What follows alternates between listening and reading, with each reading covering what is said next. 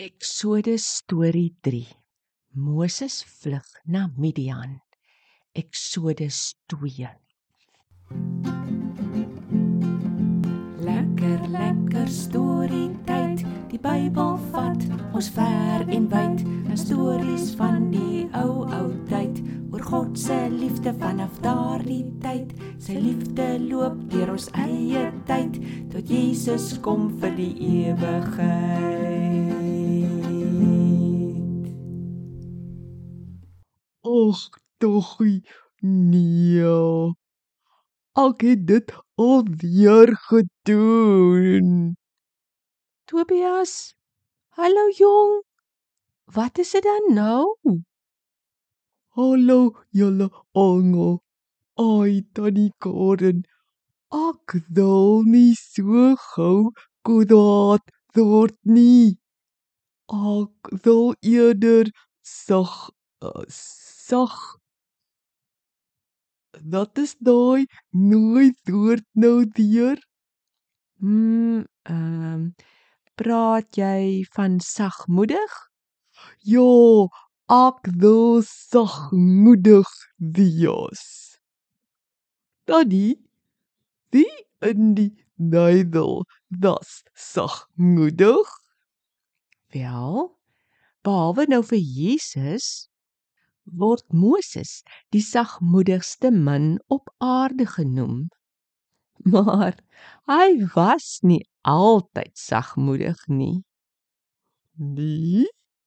Nou, wanneer het hy dan dit gekry? Ons geleer. Ons het mos gehoor dat Moses in die paleis van koning Farao groot geword het. Eendag, toe hy nou al groot was, het hy by die Israeliete gaan kuier. Hy het daardie dag besef hoe erg word die Israeliete gedwing om verskriklik hard te werk. Hy sien toe hoe word 'n Israeliet deur in Egipte na geslaan. Ek dink Moses het bitter kwaad geword. Hy het die kant toe gekyk en hy het daardie kant toe gekyk. Toe hy niemand anders daar rond sien nie, gaan hy tot by die Egiptenaar en slaan hom mors dood. Hy grawe toe 'n vlak gat in die sand en krap vir Egiptenaar toe. O aarde.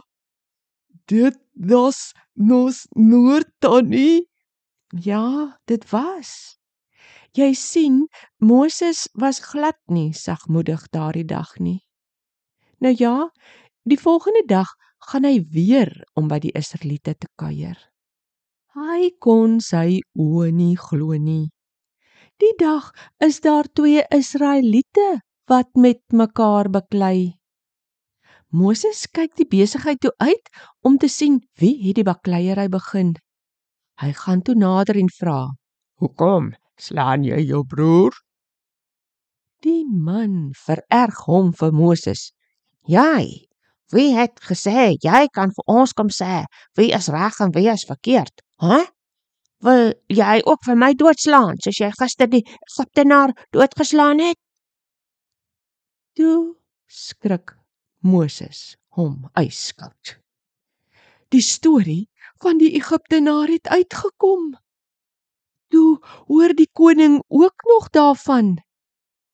Die koning was baie kwaad en wou vir Moses laat doodmaak.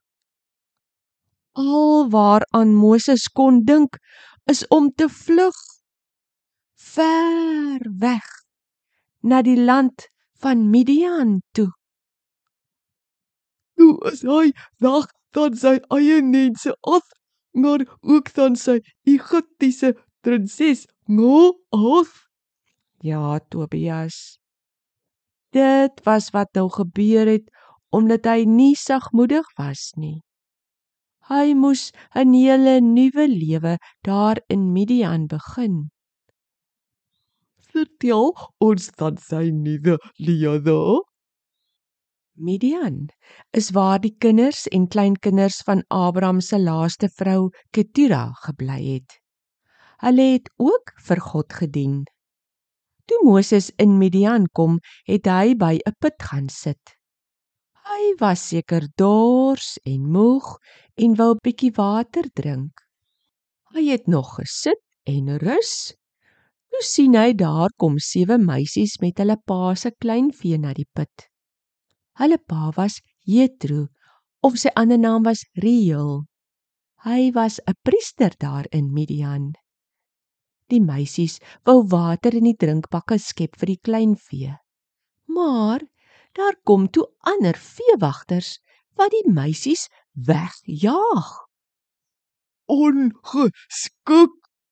Ja, ons weet nie presies wat daar gebeur het nie, maar ons dink Moses was toe ook nie sagmoedig nie. Hy het opgestaan en die veewagters weggejaag sodat Jethro se sewe dogters hulle kleinvee kon laat drink. Ons kan maar net dink dat Moses iets gedoen het wat die veewagters bang gemaak het. Toe die dogters vroeër as gewoonlik by die huis kom, vra hulle pa hoekom hulle dan vandag so vroeg is. Hulle vertel toe van Moses wat hulle gehelp het teen die veewagters en gehelp het om water te skep. Hy was aangetrek soos 'n Egiptenaar, so hulle het gedink hy is 'n Egiptenaar. Jethro vra toe: "Maar hoekom het julle hom nie huis toe genooi vir ete nie?" Hulle gaan haal hom toe. Tydens die ete het Moses seker vir hulle vertel wie hy is. Jethro vra of hy nie maar by hulle wil kom bly nie. Moses het niemand anders geken nie en het toe daar gaan bly. Ag, dit was nou vriendelik van Jethro. ja, dit was. Na 'n tyd het Moses met een van Jethro se dogters getrou. Haar naam was Sipora. Hulle het ook 'n ou seentjie gekry.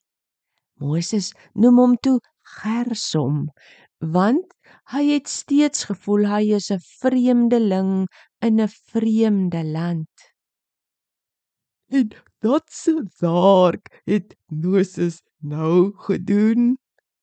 Moses het begin om sy skoonpa se skape en bokke op te pas in die woestyn van Midian.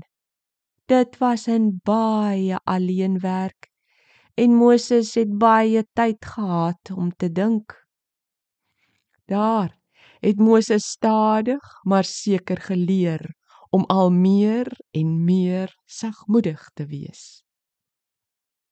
Daddy so sagmoedigheid is iets wat mens leer. Tobias, dit is iets wat die Here ons wil gee as ons sy kind word. Maar hy help ons ook om dit al meer te leer deur al die swaar dinge wat ons deurgaan. Ons waar kry dan goed vir ons. Dis nou interessant. En as Moses sagmoedigheid kon leer, wil die Here dit nostringai ook leer. Tobias, ons moet nou vandag se storie klaarmaak. Maar klink my ons het iets belangriks waaroor ons moet dink. As daar hoop was vir Moses om nie meer so gou kwaad te word nie. Wil die Here dit vir ons almal leer gesels bietjie met mekaar hieroor. Ons groet dan eers tot volgende keer. Moets. Volgende keer gaan ek al 'n klein stukkie meer sagmoedig wees. Die Here gaan my dit leer. Totsiens, julle. thank you